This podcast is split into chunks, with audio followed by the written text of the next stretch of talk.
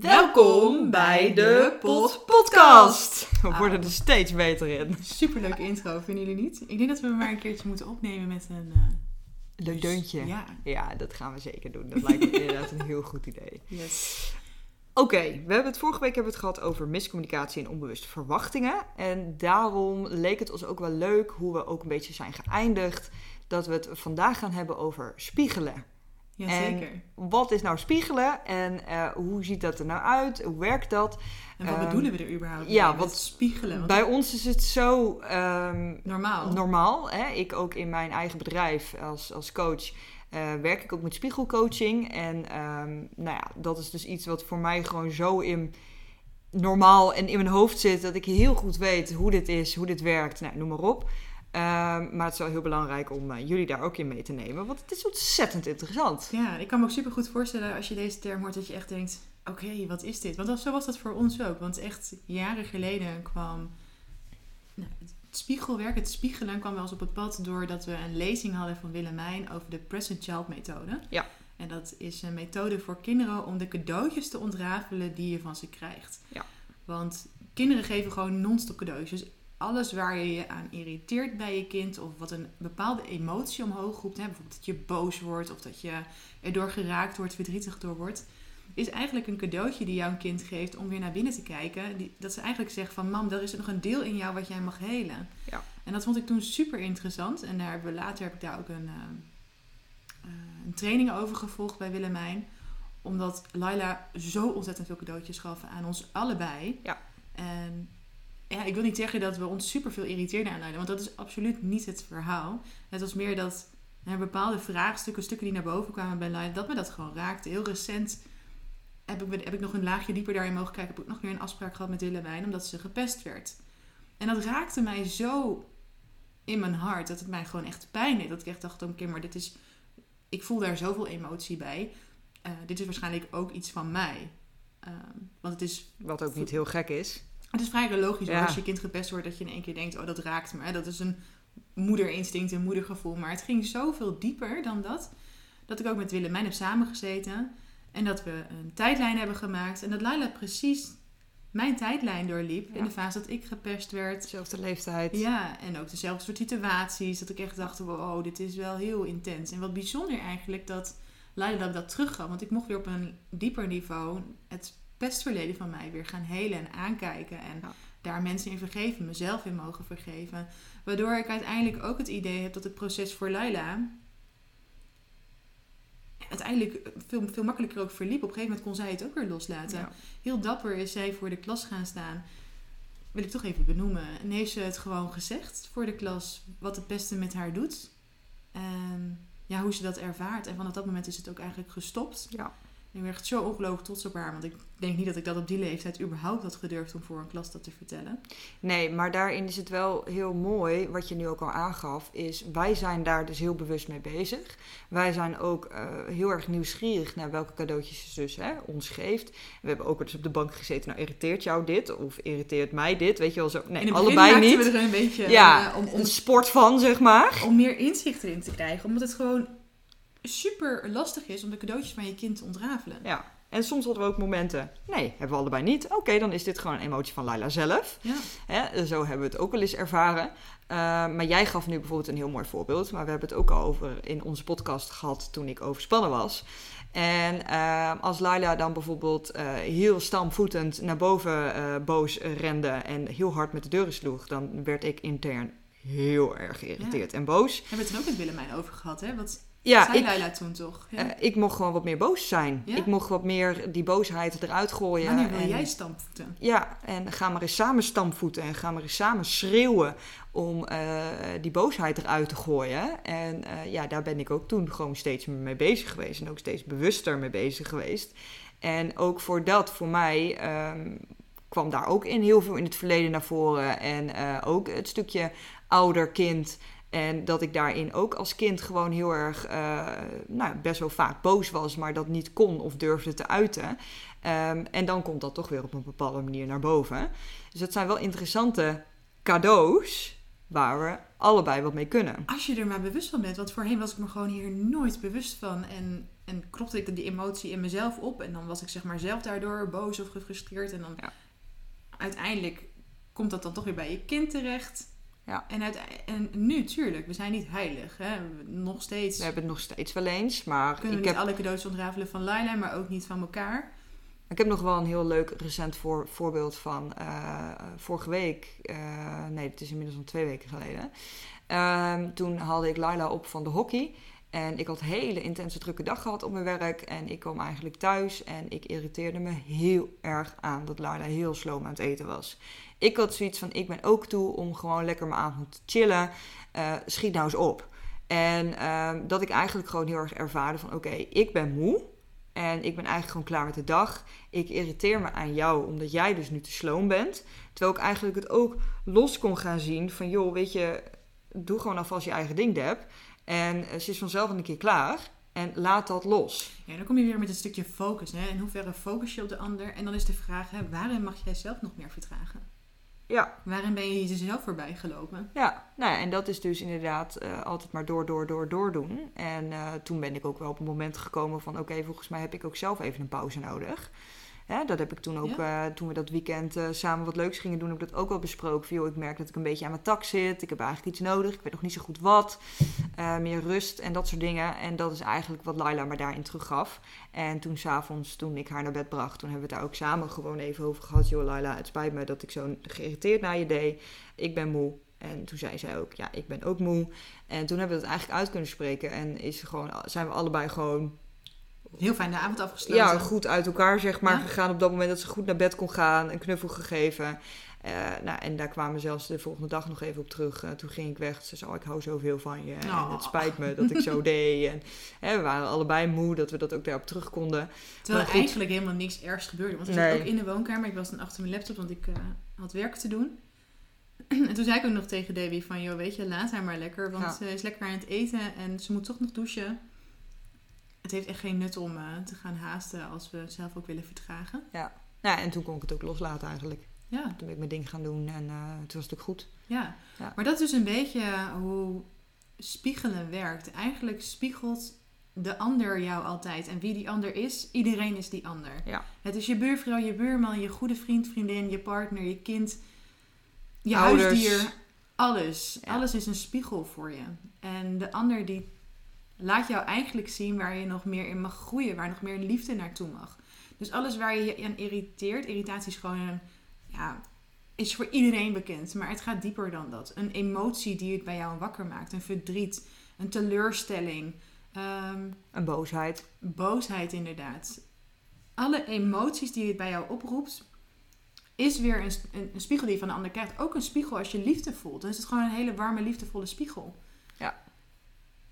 En eigenlijk is het gewoon altijd een uitnodiging, als je dus die emotie van een ander voelt, om niet in die slachtofferrol te stappen, Maar naar jezelf te kijken. maar naar binnen te keren. Van, Ja. ja. maar wat wordt er dan zo geraakt in mij? Maar hoe keer je naar binnen?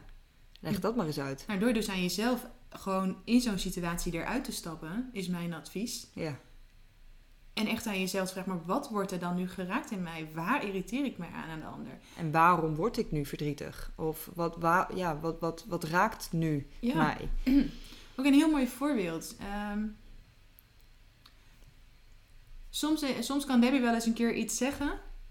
Hè, dat we in een gesprek zijn of dat er rake woorden worden gezegd. En dan kun je natuurlijk in de slachtoffermodus zetten. Ja, maar jij had dat nooit mogen zeggen. Maar je hebt een voorbeeld. Wat- Nee, ik heb geen oh, voorbeeld, Ik dacht dat ik je, later. nee, Ja, ja, ik dacht dat je ja. een recent voorbeeld had. Heb ik een recent Ja, voorbeeld? ik heb wel een recent voorbeeld. Ik denk dat dat een heel mooi voorbeeld is ehm, als wij het ook wel eens over geld hebben. En eh, dat is ook nog een hele leuke podcast trouwens. Maar ehm, als wij het over geld hebben, eh, jij vindt het heel moeilijk om bijvoorbeeld eh, geld te vragen. Of om, hè, nou, hoe, wie betaalt wat. Geld is altijd ook een, best wel een moeilijk factor in een relatie. Maar eh, toen zat jij op een avond in bad en toen eh, hadden we het daar eigenlijk een beetje over. En eh, ik maakte op een gegeven moment weer een opmerking van... ehm, ik, wat, wat voor een opmerking maakte ik nou ook alweer? Dat jij eigenlijk ze- zei van... Ja, nu krijg ik weer het gevoel dat ik, dat ik het dan maar alleen moet doen. Ehm, daardoor, daar irriteerde ik jou weer, zeg maar, weer in. Dus dan hebben we het helemaal niet over het geld. Dat, daar gaat het helemaal niet over. Ik zei iets en toen zei jij eigenlijk van... Ja, nou, nou lijkt het weer alsof ik het allemaal maar weer alleen op moet lossen. Kan je me nog een beetje herinneren of niet? Nee, nee. Ik zie jou echt heel erg denken. Ja, nee. Ik kan me even niet teruggaan naar wat dan de spiegel daarin is. Nou ja, dat, dat- het factor waar we het in de vorige podca- podcast ook over hadden, is dat jij, heel, dat jij wel eens het gevoel kan krijgen dat je ehm, er alleen voor staat. En dat ben je niet meer. Dus waarom moet ik dan ook altijd alles alleen doen, terwijl ik met mijn partner ben? Die spiegelde ik eigenlijk terug en daar raak ik jou wel eens. Jazeker, ja. Dat, nou ja. Daarin raak je dus gewoon een hele oude wond van vroeger. Ja, Dus altijd het gevoel hebben gehad dat ik... En, en geen gepest verleden, geen hechte vriendinnen. Altijd het gevoel dat je alleen was. Gescheiden ouders. Een vader die naar je omkijkt. Dus weer het gevoel dat je alleen staat. ja, Ehm, dan kom je uit een relatie, word je alleenstaande moeder. Het gevoel dat je heel veel dingen alleen moet doen. Altijd het gevoel dat ik dingen alleen moet doen. Dus continu wanneer dat weer op mijn pad komt, mag ik daar weer een laagje dieper in gaan. Van ja, alsjeblieft, dat is iets wat was, maar dat is nu niet meer zo. En inderdaad, dingen mag je alleen doen als je dat wil, maar je mag ook om hulp vragen. ja, en die vind jij moeilijk. Om hulp vragen, Ja. ja. En dat Dus daarin, dat, dat is eigenlijk uiteindelijk nu het voorbeeld waar ik naartoe wil. Daarin trigger ik jou. ja. Dus als ik dan, hè, dat is dus ook vaak onbewust, een, een opmerking maak. ehm, waarin ik eigenlijk dus zeg van ja, dan doe je het maar alleen. Daar komt het even op neer. Hè, die komt dan bij jou Ja. zo binnen. Heb jij weer zoiets van ja, hallo. Eh, we zijn toch samen, hè? we doen het toch samen. Dus waarom leg je hem nou weer bij mij neer? Ja, ik misschien nog wel een concreter voorbeeld, want ik vind het nog niet zo heel erg duidelijk, denk ik, voor de luisteraars. Ehm, eigenlijk in onze relatie was jij altijd degene die, eh, ook door je overspannenheid, maar ook daarna, dat jij eh, snel dingen te veel is. Hè? Dat je je snel ergens klaar mee bent, eh, dat je dan geïrriteerd bent of dat je naar boven loopt om tijd voor jezelf te nemen. Ik denk dat dat hem was. Weet je dat nog, dat we het daar een keer over hebben gehad, vorig jaar? En dat ik me toen realiseerde van, oh, ik heb me zo geïrriteerd aan het feit dat jij voor jezelf koos uiteindelijk. Hè? Ja, dus je koos ervoor om uit de woonkamer te gaan naar boven. Wel kreeg ik weer het gevoel, ik moet weer alles alleen doen. ja, waarom moet ik hier, waarom, waarom als we samen zijn als gezin, moet ik dan alsnog alleen de dingen doen? En als je dan ervoor koos om niet mee te gaan ergens naartoe, had ik weer zoiets van ja, dit soort dingen horen we toch samen te doen. Dus daar ontstond een mega grote irritatie bij mij. En ik heb dat is zo groot geworden dat ik pas later kon beseffen. ja dat Want misschien had ik ook gewoon behoefte om wat meer alleen te zijn. En wat grenzen te hebben. Want jij was, ja, dus door je overspannenheid kreeg jij grenzen. Ja, Jij zei nee tegen dingen. ja, Eh, jij koos voor jezelf om, om, om tijd voor jezelf te nemen om tot rust te komen. En dat was voor mij zo'n grote spiegel, zo'n grote irritatie. En die irritatie heb ik niet aan kunnen kijken totdat we uit elkaar kwamen, gingen. ja, En toen in één keer kreeg ik het grote realisatiemoment. Misschien heb ik ook gewoon meer behoefte om tijd voor mezelf echt te hebben. Ja. Om inderdaad ook een keer nee te zeggen. En om gewoon duidelijker aan te voelen waar heb ik wel en geen behoefte aan. Ja, dit is inderdaad een heel mooi voorbeeld. Uiteindelijk is dat denk ik ook het voorbeeld wat ik inderdaad in het bad benoemde. Gewoon, hè? Dat is dan inderdaad een voorbeeld waar... Ik mag daar altijd nog weer een laagje dieper in Ja, nou ja, goed. En dat is inderdaad een, een, een spiegel die jij heel moeilijk vond om ook aan te kijken. Van, hè, ja, eh, dan gaat zij weer naar boven en kiest ze weer voor zichzelf. Of ze is niet hè, dat dacht ik niet eens. Ik kon gewoon echt gaan blamen. Ik denk dat dat ego-deel, dat dat voor velen herkenbaar is. Dat je dan echt gaat blamen. En dat je dan echt gaat denken, ja, potverdikkie. ehm, waarom doen we dat soort dingen niet samen? En dat wordt dan zo groot in je hoofd. Dat dat zo'n grote irritatiebron is. En eigenlijk heb je dus nu een hele mooie spiegel ontrafeld. Hé, hey, ik mag gewoon meer tijd voor mezelf nemen en meer voor mijn eigen behoeftes gaan instaan. Ja, zeker. Ja. Ja. Maar daarvoor moet je wel dus openstaan voor die spiegels en dat Ja. ook willen zien. Dus voor mij is ook nog steeds weer die reminder: als je je ergens aan irriteert of, of, of boos of een andere emotie bij voelt, ga niet in die pijn hangen, in die slachtofferrol. Maar ga na wat je eigen behoeftes hierin zijn, Ja. of je verlangens in zijn, of wat, wat voor wond daar nog in geheeld mag worden. Dat kan soms wel eens jaloezie zijn, Ja. bijvoorbeeld. En dat is dan... Hè, Dat was bij mij op sommige moment dat jij naar boven ging, pure jaloezie. Dat ik dacht, ik heb eigenlijk ook wel zin om lekker even op bed te liggen. Ja. Ja, en dat is dus inderdaad... eh, dat, dat is, dat is een, een heel, heel mooi voorbeeld... wat natuurlijk ook wel... Hè, nog wel eens naar voren kan komen. En dat is dat jij daar nu steeds meer ook in groeit. Van joh, dit wil ik even doen. Of ik ga dus even in bad. Of ik ga hè, even wandelen, noem maar op. Ehm, maar dat is wel iets waar wij ook steeds bewuster van worden. Hoe jij daarop reageert en hoe ik daarop reageer. Ja, maar sowieso zijn we gewoon twee grote spiegels voor elkaar. Ja. Ehm, uiteindelijk vinden we dat allebei best intens in onze relatie. Hoe we elkaars wonden eigenlijk terugspiegelen. Klopt, ja. Eh, en dat we daar elke keer weer een laagje dieper in mogen gaan. Maar dat we op een gegeven moment ook zoiets allebei hebben van... joh, pff, even niet of zo. Ja. Ik weet nog dat we op dat gegeven moment tegen elkaar zeiden van... eh, soms is het ook wel fijn als we die spiegel uit kunnen zetten. Ja. Ja. Ja, en ook wel eens van, ja, we zijn niet elkaars coach. Nee, Hè, wij doen natuurlijk allebei dat werk. En het is soms ook gewoon fijn om even te kunnen huilen. en gewoon te ventileren. En te ventileren. En dat je gewoon dus niet eh, een vraag stelt van, nou, hè, wat voel je nu? Nee. Eh, daar zit soms wel eens een irritatie van mij. Dat ik denk, hou gewoon eens je mond dicht en luister gewoon eens. Hè, dan kan ik daar echt wel eens bijvoorbeeld echt boos van worden. Ik wil nu gewoon, in plaats van dat je meteen een mening of, of, of jouw gevoel daarin uit. Nee, ik wil gewoon even mijn shit delen. En En daarbij kom je weer met verwachtingen, hè? dat je dat soort dingen helder hebt naar elkaar. Ik weet nog dat we bij een paragnos ben geweest. Ehm, met mijn moeder, met haar verjaardag, had ze die uitgenodigd. En toen waren Debbie en ik al samen. En toen zei hij ook heel duidelijk, let erop dat je mekaars coach niet wordt. Ja. En toen dacht ik, nou, hoezo dat dan? Ik bedoel, wat, wat, wat voor toepa... Ik, ik begreep hem nog niet zo goed. Maar naarmate onze relatie verstreek, toen dacht ik, oh ja. Het is inderdaad niet de bedoeling dat je therapiesessies gaat houden op Nee. de bank met elkaar. echt niet, nee. Maar dat je gewoon kunt luisteren, aan Ja. kunt horen. Ja, en dat is wel ook iets wat ik nu gewoon steeds vaker zeg. Ehm, dat vond ik eerder nog wel eens moeilijk. Maar nu zeg ik ook gewoon, wil je gewoon even luisteren? Nou, dan doe je dat ook. Ja. Ja. Ja. en steeds gaat het ook gewoon veel meer automatisch. Ik merk nu steeds meer dat ik duidelijker kan aanvoelen wanneer is het wel en niet gepast. Ja, klopt. Ja. Ja, en eerder werd ik daar nog eens onzeker van. Dat ik dan eigenlijk aan Angelique wel zag aan haar eh voelsprietjes daarboven. Dat ze eigenlijk eh ding, ding, ding, ding, ding. Ik heb heel veel ideeën en heel veel meningen op dit moment. Ehm, en dat ze dat dan bijvoorbeeld nu steeds vaker ook even voor zich houdt. Hè? Dat, dat, dat je daar of een moment voor pakt wanneer het een beter moment is. Wanneer ik niet in een emotionele put zit op dat moment. Eh, en eerder werd ik daar heel onzeker van. Dat ik echt dacht van ja, wat vind je hier nou van? Of eh, wijs je me nou af? Of... En nu heb ik zoiets van, ik vind het eigenlijk heel prettig dat je me even in bescherming neemt. En we komen daar later wel op terug of niet. Ja. Kan jij nog een, eh, een grote spiegel opnoemen die je hebt gehad en die nu minder is geworden in onze relatie? Ehm, nou, ik moet heel eerlijk zeggen dat ik dat... Ik was er inderdaad net ook eventjes over na aan het denken. Ehm, Was afwijzing ook een spiegel? Is afwijzing een spiegel? Ja, afwijzing is natuurlijk altijd een bepaalde spiegel. Ehm, maar hebben we daar een concreet voorbeeld van? Ehm, wel een enorme angst. Voordat wij uit elkaar zijn gegaan, voelde ik al vanaf de zomer eh, buikpijn, spanning. Een bepaalde ding in mijn keel, zeg maar. Dat kan ik niet heel goed uitleggen, maar dan gaat er een bepaalde spanning op mijn keel staan. Ehm, dat voelde ik eigenlijk toen al, dat ik eigenlijk al aan mijn wateren aanvoelde dat het niet helemaal lekker liep.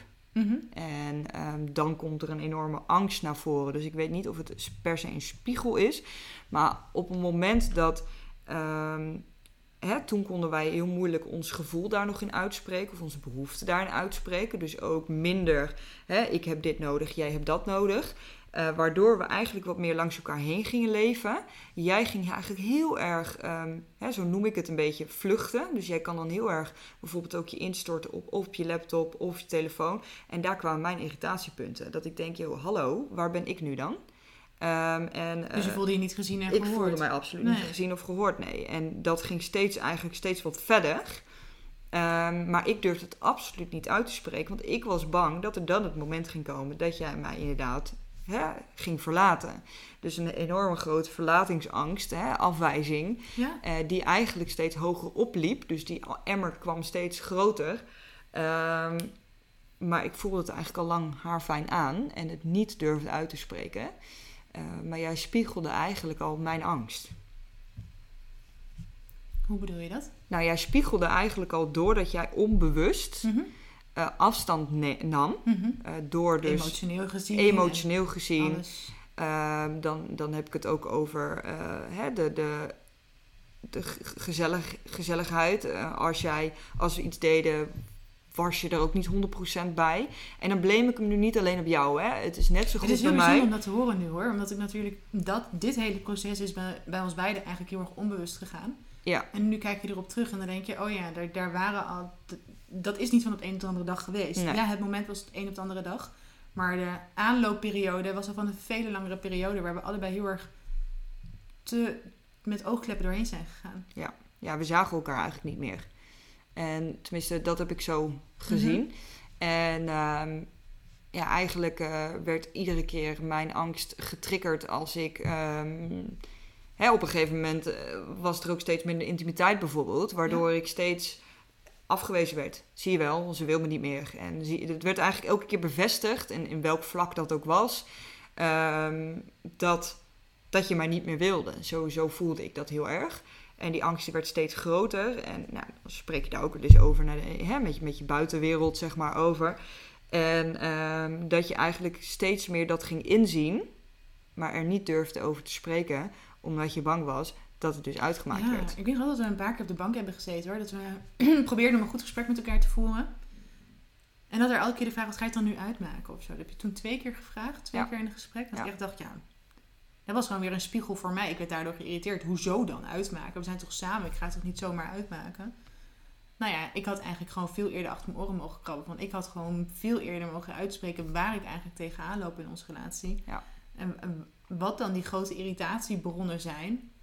Eh, wat maakt dat je dus uit verbinding raakt met elkaar. Nou, dat was het vooral. Want En als je uit verbinding raakt met elkaar, dan ontstaat er steeds een grotere kloof. En een steeds grotere irritatie. En die irritatie wordt steeds groter, waardoor je dus in die slachtofferrol gaat hangen. Want we zijn allebei vinger gaan wijzen naar elkaar. Het is jouw schuld. En ook hè, dat ik op een gegeven moment, eh, nou, dat bij jou de emmer zo hoog was dat, dat ik dit niet goed deed, je dat niet goed deed, of dit was niet goed. Hè, nu noem ik het even, Ja, maar ja, die heb ik andersom. Die onderbewuste verwachtingen die we niet uitspraken. We hadden behoeftes die we niet uitspraken naar elkaar. En ik denk dat we die cadeautjes inmiddels wel een beetje ontrafeld hebben. En dat de dingen waar we toen allemaal tegenaan liepen, gelukkig nu wel hebben aangekeken. Ja. En dat de grootste irritatiebronnen besproken zijn met elkaar. Ja, en wanneer er dus irritaties zijn naar elkaar, ehm, kunnen we dat wel met elkaar bespreken. Dus in plaats van dat we de irritaties gaan binnenvetten, spreken we wel naar elkaar uit, waardoor ehm, de irritaties niet uitvergroot hoeven te worden. Nee. Ehm, en kijk, je hebt kleine irritatiepuntjes, hè, dat je ook wel eens kan hebben van ja, hè, waarom heb je mijn auto niet volgetankt? Eh dan kan ik jou gaan blamen, maar ik kan ook zelf denken, ik rijd naar het tankstation, ik, ik, ik tank mijn auto weer vol. Bijvoorbeeld. Weet je, dat zijn van die kleine dingetjes waar we allebei nu ook minder in blijven hangen. Ja, en dat is dan ook weer een spiegel, hè? Oké, maar wat gebeurt er dan met jou? Hè, die irritatie ontstaat omdat die tank niet volgetankt is. Ja, vind ik niet eerlijk. En dan spiegelt dat dus een, een oneerlijkheid. Ja. Ja. ja, maar waarin heb je je nog meer oneerlijk gevoeld? Ja, ja vaak zat. Ja. Ja. Dus zo diep kun je eigenlijk uiteindelijk gaan met het spiegelwerk. Hè? Van, Ja. Ook al is de irritatie zo klein. En van bijvoorbeeld een deur die opengelaten wordt de hele tijd. Oké, maar wat, wat gebeurt daar dan? Oké, misschien omdat je met die stokels... Misschien heb je als kind wel veel te vaak gehoord dat je die deur dicht moet doen. Ja, sowieso. Die hoorde ik vroeger, vroeger altijd. Die werd er altijd ingegooid, inge, ingestouwd gewoon. Dat ja, je, en misschien is dat dan wel zo groot geweest vroeger. Hè, dat we nu dat weer teruggeven aan, aan ons eigen kind, aan, aan Laila, zeg maar. ja, ja.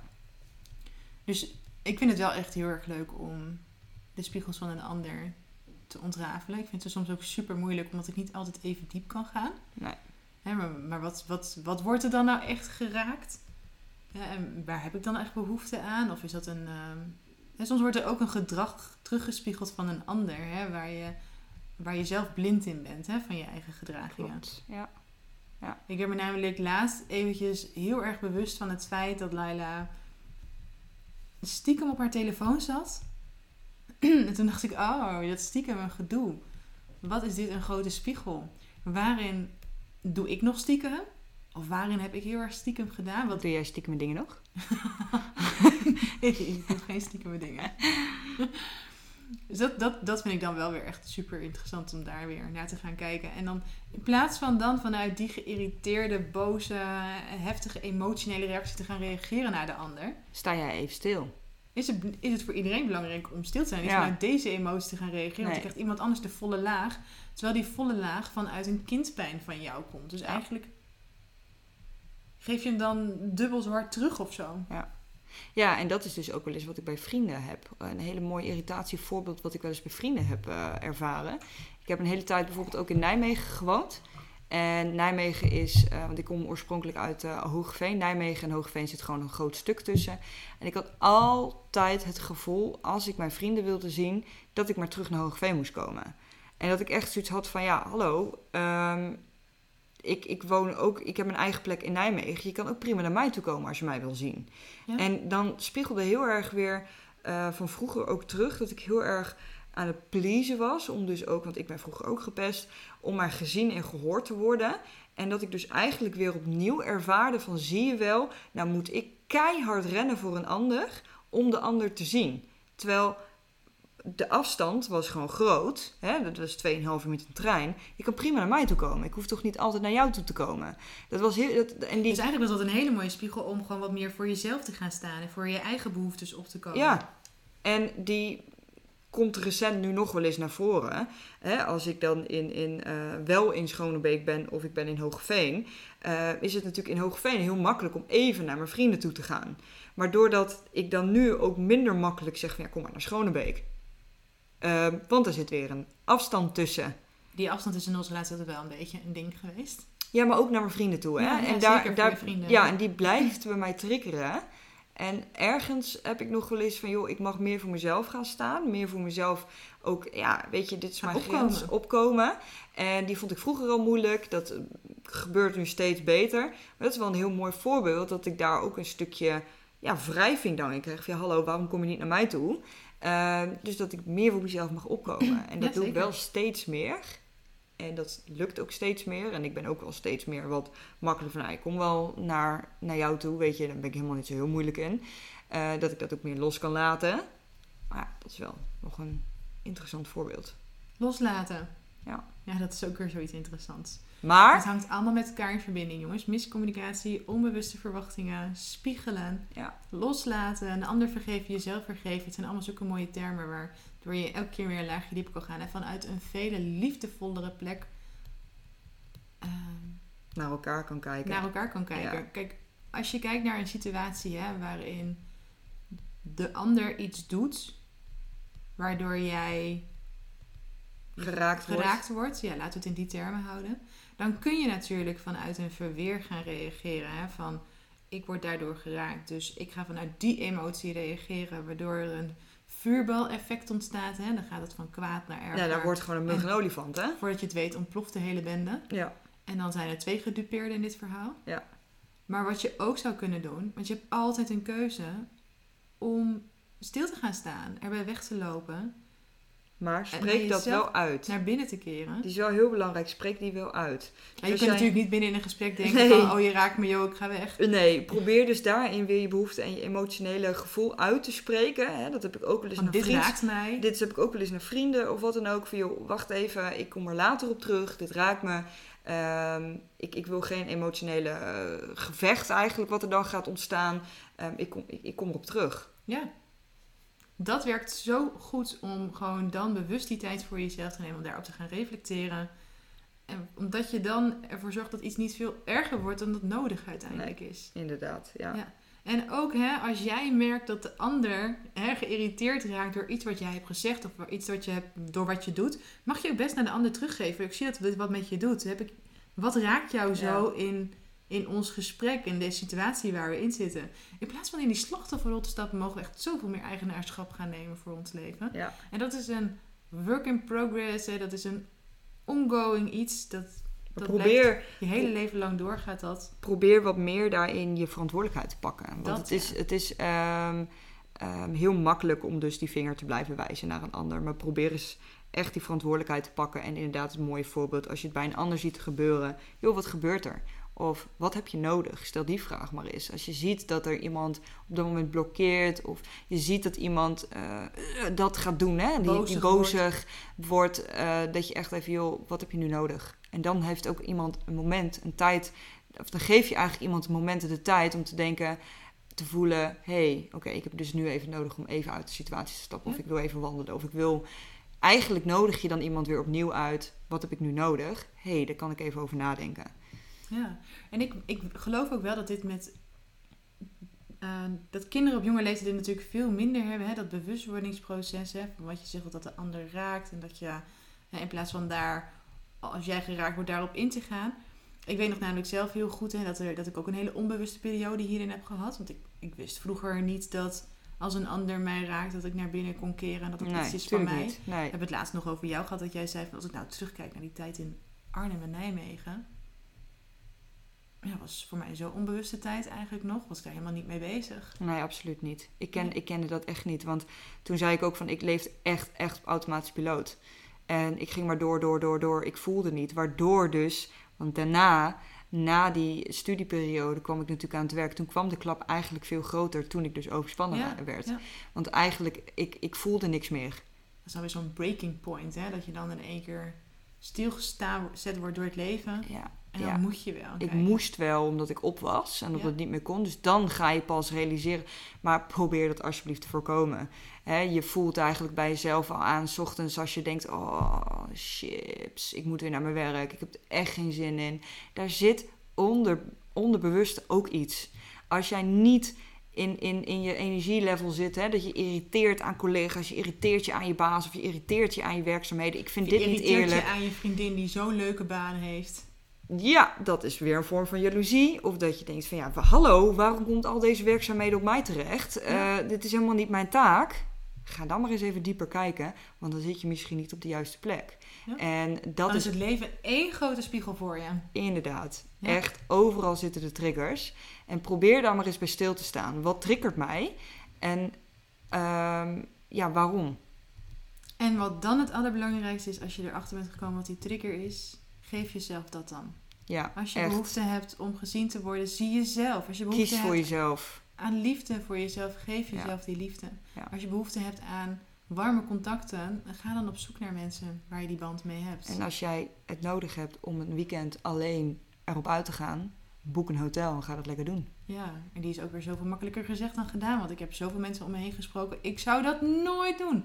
Een nacht alleen weg. Dat ik echt denk, waarom niet? Dan word je zo geconfronteerd met jezelf, hè?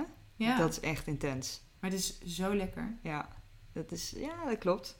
Ja, gewoon eventjes just me, myself en I voor een dagje. Ja, love it. Oké. Hey, ik denk dat we aan het einde zijn gekomen van onze... Irritaties. Keihard lachen. Onze irritaties. Nee, Ja. ja. mooie spiegels die we elkaar cadeau geven. En Ja. die we terugzien binnen ons gezin. En hoe we daarmee omgaan, hoe we daarmee omgingen. Maar ook daar, we zitten nog zo in ons groeiproces om ja, daar veel eerder bij aan de bel te trekken. In plaats van dat te groot te laten worden, waardoor het een ding wordt. Ja, en wat dus nog één, één keer, dat eh, gaf ik net al aan, maar probeer mee te geven, is dat eh, wanneer jij ergens weerstand in voelt, dus je niet lekker voelt om ergens naartoe te gaan, eh, hè, of een verjaardag, eh, je zit natuurlijk altijd met lo- loyaliteitskwesties en af, af- sociale druk, noem maar op. Maar als jij, het, hè, dat, dat kan een weerstand voelen, maar dat kan ook een irritatie voelen, betekent dat je inderdaad weer mag stil gaan staan van wat heb ik nodig Ja. en wat wil ik. En dat staat los denk ik van het spiegelen. Want dat is gewoon weer je behoeftes voelen. Maar kijk maar eens maar of het je is mensen wel in je omgeving hebt Irritaties, die... spiegels.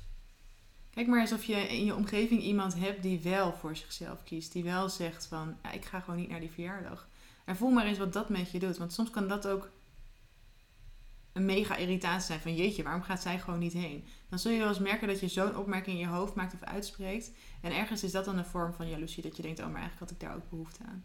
Dat is wat ik wilde zeggen. Ja, en ik irriteerde me dus dood aan dat jij dus door me heen ging praten nu. Dat is een heel mooi voorbeeld. me. Nee, maakt niet uit. Maar dit komt precies weer trikken terug dat ik vroeger altijd heel erg eh, bijna moest schreeuwen om eh, gezien te worden. Dus ook thuis in mijn gezin moest ik altijd, joehoe, ik ben hier ook. Eh, anders was er eigenlijk nooit tijd voor mij. En daarom irriteerde mij dit even. Dus ik denk, dus topvoorbeeld. Het gebeurde hier gewoon letterlijk aan deze tafel. Nu is hij ook weer weg. Omdat je het hebt uitgesproken. Hij is uitgesproken en ik weet ook waar die vandaan komt. Want dat innerlijk werk heb je al gedaan. Ja, dus die kwam al. Dus van vroeger, thuis, gezin, eh, moest ik altijd overschreeuwen. En nu dacht ik, waarom ga jij nu door me heen praten? Maar goed, je had wel een heel mooi voorbeeld. Dus dank je wel daarvoor. Ja, dit is dus eigenlijk hoe het leven werkt. Hè? En normaal gesproken koppen we deze emoties op. Spreken we ze niet uit. Ja, Waardoor het ergens in de onderlagen terechtkomt. En dat denkbeeldige emmetje die ooit gaat overlopen. En hoe meer we van dit soort momenten hebben. Dat je weer niet jezelf kon uitspreken, dat weer iemand door je heen praat en dan gebeurde dit en dit en dit weer. En dan zo ineens barst die bom en dan krijgt iemand de volle laag, terwijl Ja. die volle laag nooit dan voor diegene bedoeld is. Nee. Dus om dat te verminderen, die grote uitbarstingen, spreek uit wat er dan bij jou gebeurt. Ik vind het super mooi dat je dit gewoon net zegt.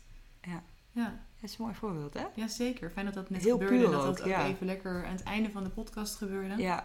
Ik denk, die wil ik zeker nog even uitspreken. Mooi, mooi einde. Sluiten we mee af. Dank jullie wel. Bedankt voor het luisteren. En wat Angelique altijd zegt, adios amigos. Adios amigos!